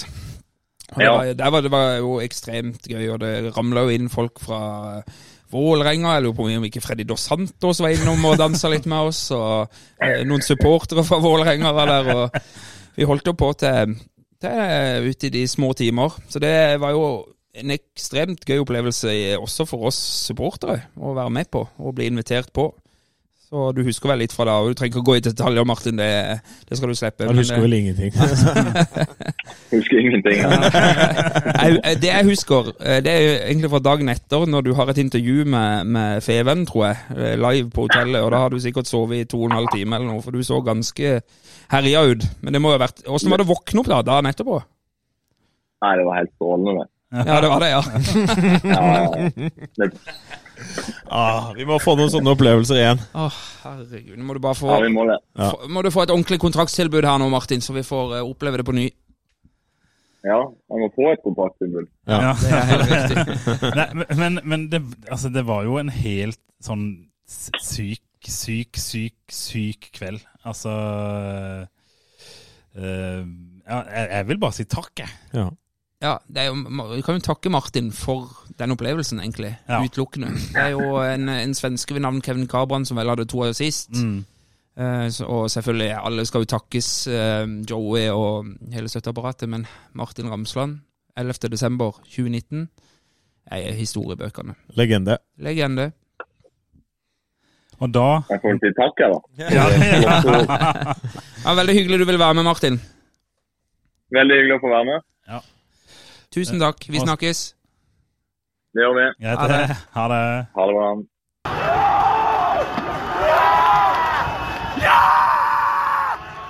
Og da har vi fått med oss sjefen for de gode tider eh, på telefon. Mannen som var starttrener i desember 2019. Det er deg, Joey Hardasson. Velkommen til podkasten. Jo, tusen takk for det. Og da må vi jo skru tida eh, et par år tilbake. Og eh, du skulle lede Start i en kvalik eh, til Tippeligaen med en, seier i bagasjen fra første møte. Hvordan griper en trener an en sånn viktig kamp? Altså jeg tenker Én ting er taktikk, men noe annet er liksom å få tuna spillergruppa inn til en sånn kamp. Ja, vi, vi prøvde jo å få, få Eller prøve rett og å avdramatisere litt og, og, og få ned tenningsnivået. Det var litt så forskjellig fra spiller til spiller sikkert hvordan de eh, opplevde og følte seg inn mot kampen. Men vi hadde en, vi hadde en god opplevelse i første kampen og, og vant, uh, vant en god seier med Lillestrøm. Og, og syns at vi spilte en OK kamp der òg. Så vi uh, hadde, hadde en liten ledelse til, til kampen, og, og utgangspunktet vårt var at, at, at uh, uansett hva som skjer i kampen, så, så, eh, så trenger vi ett mål. Om, om det er for å, å, å eh, om, det er for å på en måte øke ledelsen eller, eller å, ta dem igjen. Vi, vi opplever dem som litt, litt skjøre og litt sånn eh, litt eh, fragile eh, eh, Mm. inn mot kampen. Kamp, eh, den, den, altså disse to kamper, for jeg hadde tapt mye på, på, på slutten av sesongen, og, og de så litt sånn eh, litt skjøre ut. Mm. Så vi tenkte hele tida at hvis vi får inn ett mål, så uansett hva som stillinga er i kampen, så, så, har vi, så har vi en god mulighet til å, til å dra det i land. Ja, Men denne kampen starta jo ikke all verdens da. Det ble jo både én og to og tre og fire i sekken før dere Ja, men eh, også da tar jo spillerne en sånn samling på banen. Hvordan, hvordan opplever du den samlinga de tar fra, fra sidelinja, egentlig? Nei, det er en, en, en, drøm for en trener at, eh, at, eh, at spillerne tar tak selv. Det, det er kanskje det aller viktigste. At, de, at det er en, en, selvjustis i gruppa og, og noen som, som tar et ansvar og, og, eh, og liksom samler, samler, samler toppene og, og, drar et eller annet i gang. Og så dette i tillegg til, til en, taktisk justering som, som vi hadde snakket om på forhånd, var med på å, å snu det, tenker jeg. Og den taktiske justeringa var å slenge opp Damien, det kanskje? Ja, det var det. Vi, vi eh, skulle sette opp, sette opp Damien og, og, og sette eh, folk i posisjon rundt han og, og være mer direkte enn vi, vi kanskje hadde vært eh, før det. Mm. Og Det var, det var sånn en, en, en plan som vi hadde, hadde gått igjennom og, og, og trent på. Og, eh, og, men vi, vi var jo aldri der at vi, vi så for oss eh, at vi skulle ligge under med fire mål. Eh, så så det, var, det var litt sånn uforventa. Men, men, eh, men vi hadde ikke noe å tape, så vi, vi iverksatte den, den planen kanskje tidlig i kampen vi hadde, ellers hadde gjort. Mm. Eh, og, og hadde tre bak og, og, og satt, satt, i, satt spillet i posisjon der vi, der vi skulle jobbe rundt Damien. Og, og, og så fikk vi en, en utrolig effekt ut av, ut av det på kort tid. Eh, Min påstand er jo at den, de første 60 minuttene av den kampen er det dårligste dere leverte hele den sesongen. Er du enig i det? Eh, ja, det er ikke langt ifra, tenker jeg. Det var, vi, vi var helt paralysert. Og, og vi, hadde, vi hadde Mulig at vi hadde ballen en del og, og mer enn Lillestrøm, men, men vi, vi, var, vi var langt, eh, langt unna i forhold til alt av dueller og, og andre baller. og De var mye mer aggressive enn vi var. Vi, var, vi så helt eh, paralysert ut i, i, eh, i den første timen. Um, og, og, og vi gikk vel inn til pause med, med var vel 2-0 Mm. uh, så vidt jeg husker. Så, men der igjen gjentok vi dette her med, med å, å få inn et mål, og så er vi inne i, inn i kampen igjen og, og, og game on. Um, men, men det tok, tok litt tid før vi uh, våkna ordentlig. Og de, altså 4-0, så det kunne vært 5-6-7 kanskje etter, etter, etter 60 minutter. Men, men, Eh, så, men hvordan er det å stå på sidelinja og på en måte ikke kunne gjøre så mye med det? Hva, hva slags følelser er det man har da? Altså, det må jo være fryktelig frustrerende å stå og se på? Eller det var jo det på tribunen, det var jo så frustrerende at jeg gikk hjem. Da. Men altså, hvordan var det for deg, som er sjefen? Ja, det, det, det var det. Når, vi, når det var ikke mer enn mer enn 2-0 til, til pause, så, så gikk vi inn og så hadde vi fortsatt tro på at vi, vi eh, kunne få dem i gang. og at vi kunne prestere bedre i andre omgang enn vi gjorde den første. og Så, så startet jo andre omgangen egentlig på samme måte. og Da, da begynner man å bli litt skeptisk til at dette, at dette går. Men, men allikevel så, så hadde vi alltid den tanken med å få inn et mål, og da, da kan ting skje. og det, det så vi jo med en gang vi skåret mål. så så, så tente det gnist hos oss, og, med, og så så man samtidig Lillestrøm. De ble, eh, de ble eh, begynte å opp, opptrå eh, helt annerledes med en gang de fikk et mål imot og ble defensive og passive sjøl. Og, og da, da klarte vi å, å presse inn to mål til. Hvor, når var det du liksom for alvor tenkte eh, ja faen heller, dette kan jo gå?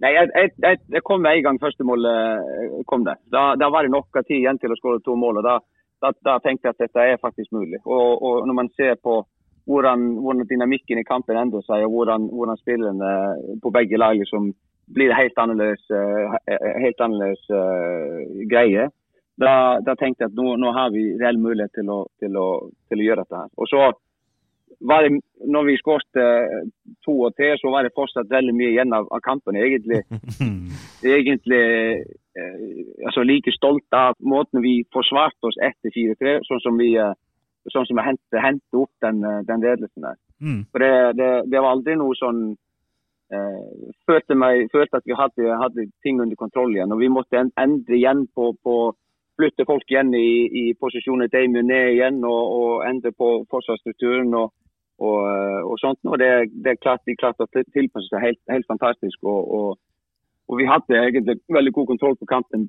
etter, etter 4-3. Ja, altså, jeg, jeg har sagt litt at eh, For jeg så disse siste 20 minuttene igjen, og da så det ut som kampen på en måte bare Lillestrøm gikk liksom litt i oppløsning, kampen gikk litt i oppløsning. Den ble oppstykka. Frode Kipp kom inn og lagde masse frispark. Eh, Det kom eh, ting regnende fra tribunen. Damon Love skulle vel ha vært utvist tre ganger de siste ti Ja, minutter. ja. Martin Ramsland Ja, da, det var jo Ja, altså det, det, det er mye som skjer på, på, mot slutten der. Og, og, men men, men eh, på en måte liksom kontrollert på vår side. I hvert fall det fotballmessige, at vi, eh, at vi klarte å, å, å holde dem unna. Og, og det som du sier, det gikk litt i, litt oppløsning og, og fant ikke noen, noen eh, alternative måter å komme inn i kampen. Men når kampen da går mot slutt, og det blåses av for full tid hvordan har eh, fotballtreneren Joey Hardasson det da? Hva slags følelser er du sitter med når dere har klart det, og det er 4-3? Uh, nei, det er nesten vanskelig å beskrive, egentlig. Det er, jeg tror ikke man opplever noe sånt uh, i forbindelse med noe annet enn en fotball. Altså. Det, det er noe helt spesielt. Og, og uh, det, Man vet ikke helt hva man, hva man skal gjøre av seg, egentlig. Man, man ja, har lyst til å grine og juble og, og vet ikke hvilken retning vi skal løpe. og og så ble det jo litt samling med, med, med supporterne bak, bak målet. Så det var, det Ja, Du husker kanskje klemmen med Kenneth Meyer? Ja, ja, det husker jeg veldig godt. Det husker Jeg veldig godt. Så, jeg tror vi klarte å smugle Kenneth inn i Ja, det gjorde det. så det var, det, var, det var veldig fint, det. så det var en, en god klem jeg hadde med, med Kenneth. der. Og, og bussturen fra Åråsen og ned til Tjuvholmen nå, var det livat? Ja, ja, det var helt ubeskrivelig. Det, det, og så blir man Det tok ikke noe sånn, Det var ikke mulig å, å, å ta noen sånn skikkelig fest langt utpå natta. Så man var helt utlada. Og, og vi hadde en veldig fin, fin stund med, med hos Moi i, i, eh, i sentrum der etterpå, med, med mat og litt drikke og sånt. Og det var utrolig flott og fint. Og, og, men men eh, var helt ferdig. Ja, nei, altså for oss var altså, Ja, Lars, hva, hva hadde du lyst til å si nå, Lars? Nei, jeg er bare takknemlig for at uh, mange av dere fikk den opplevelsen. Men uh, Nei, det var jo en uh, Men nå er det jo ikke så lenge siden du klarte en liten bragd med, med fløy òg, men, men du rangerer dette her høyest, Joey? Ja, dette er nok det, dette er nok det største. Altså, men, men, men opplevelsen og, og følelsen av å, å klare sånt sånn som, sånn som skjedde med Fløya, altså, det, det, er, det er noe av det samme. Det, det, det er liksom eh, å, å- å klare å, oppnå noe sånt med en, en, en spillergruppe og, og alle, alle trekker i samme retning og, og, og bestemmer seg for å få noe til, så, så er, når det skjer, så er det, så er det noe helt spesielt. Ja. Nei, altså Vi må bare si takk for opplevelsen eh, nok en gang. Det er det råeste jeg har vært med på. Ja, det er- eh, rett og slett. Det er gode minner. Gode minner. Veldig gode. Tusen takk, Tusen Joey. takk. Jo, vær så god. Vær så god. Greit. Ha Ha det. det bra. Ha det. Ha det godt. Ha det godt, ja.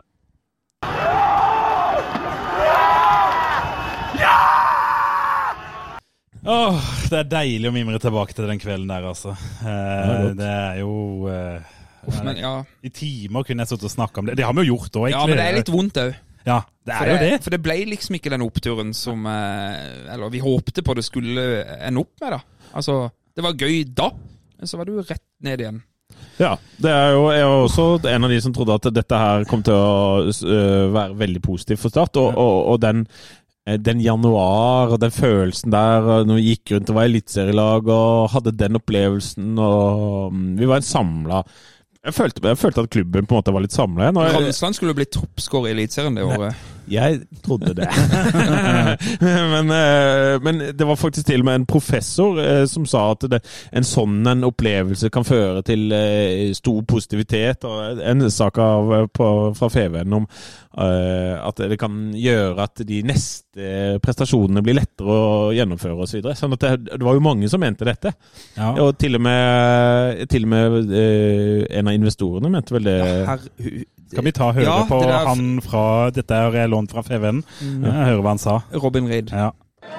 Etter denne opplevelsen her, denne gjengen og denne klubben og miljøet rundt Nå er de vinnerskaller. De kommer ikke til å rykke ned. Det skjer ikke.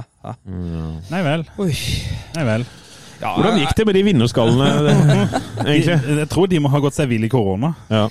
Ja, for den kicka jo inn, syns jeg, litt ubeleilig for Start, men også for hele verden, naturligvis. Men, men vi var på en liten bølge. Ja. Endelig litt sånn positivitet Yes. i den Start en drøm-greia. Og, og jeg husker veldig godt noen podkaster med Fevennen, og det- og det var særlig eh, Pål som sa det som kommer til å vippe dette fordel Start i år, det er Martin Ramsland. Han så ut som en stjerne i alle treningene, visstnok, Ja. fram til korona. Men da ble han skada veldig, var han ikke det? Jo, Jo, men ikke f før det, da. Altså, hadde sesongstarten vært der, så ifølge Pål vært- hadde var Martin Ramsland i altså, Han var i toppform hver eneste trening den vinteren. Og, og, og, det, og det er som du sier, det var, alt dette var beleilig for, eh, ubeleilig for alle i hele verden. Ja. Men sånn fotballmessig, hvis vi skal ta det fotballmessig, så var Start den klubben i Eliteserien, mener jeg, som hadde aller mest å tape på at den sesongen ble som den ble. Yes. Ja. For du drepte hele det der deilige Momentumet, momentumet, ja, som vi hadde fått inn fra Åråsen. Ja. Altså, det, det føltes som om alle i Start følte at de liksom hadde Det var fellesskap, da. en enorm sånn vinnering. Nå tar vi det, ikke Ja. sant? Det er sånn, alle trodde ja, det, det, Det er ikke førstemann fra Fevik som sier Han er ikke fra Fevik, Nei, ja, han er- han er fra Men, Polen. men det også for det følelse av at fellesskap. Det var følelse for første gang på lenge at man eh, dro i samme retning. Det var et eller annet som samla oss. Og så kom også det, det var borte da vi møtte Strømsgodset i slutten av juni. Ja. Det var jo det. Det var det. Og, og det, var, det tok liksom så lang tid før de fikk henta seg inn igjen nå. For Ja. lang tid. Ja. Og da ble det jo ikke som Robin Reed sa.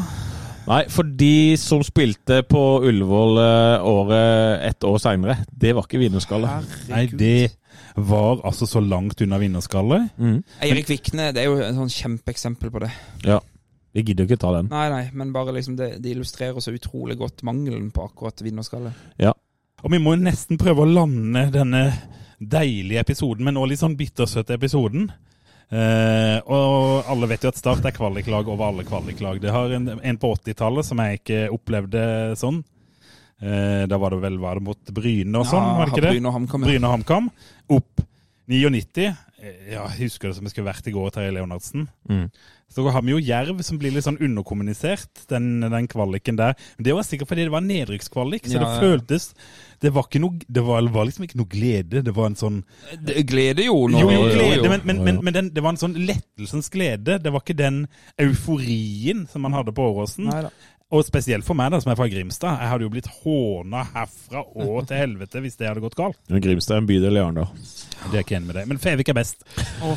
Fevik, for faen! Nei da. Det på tide å gi seg. Det har blitt langt, dette her. Men vi får jo på en måte oppsummere også om at vi som supportere må huske på at vi må dra i samme flokk her. Altså Vi må samles igjen og finne nye gode møte, Altså finne nye gode opplevelser. Men altså, Så- det, det, det er, man finner jo glede i å vinne på overtid på Bryne eller Ja, ja. eh, Kisa eller Men vi, altså, vi må være flere sammen. Det Ja. var deilig på Åråsen. Vi var haugvis. Vi var mange. Vi var, det var stort. Det var deilig. Vi må jo klare å skape det igjen. Altså. Vi må gjenskape det. Og da Jeg bare håper at dette var sånn tålelig interessant for lytterne å høre en sånn type spesial Spesialepisode, ja. Hvor mange andre supporterpodkaster har laga en halvannen times episode om én kamp? Nei, det, det er derfor vi er såpass stormannsgale at dette blir bra. Det er det som er fint. ja. Ja. Så bare vent til neste år. Da kommer det en spesialepisode om kvelden i Drammen. Uh, nettopp. I Drammen, ja. ja. da.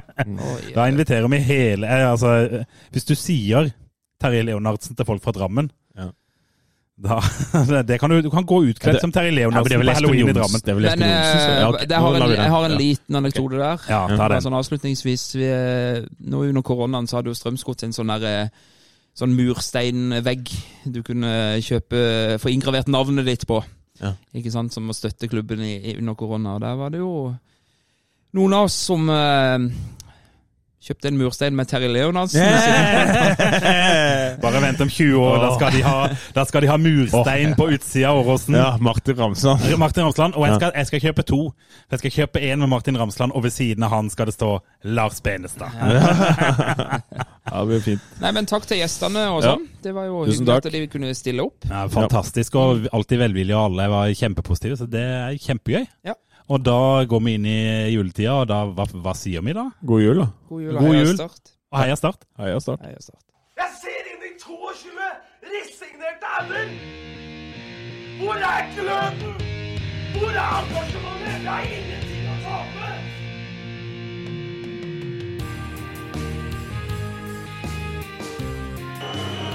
Ja, forlenges tid på Martin Ramsland. Skal du sette etter? Og så gjør han det! Martin Ramsland! Du? Han kommer til å bli større enn Jesus på Sørlandet!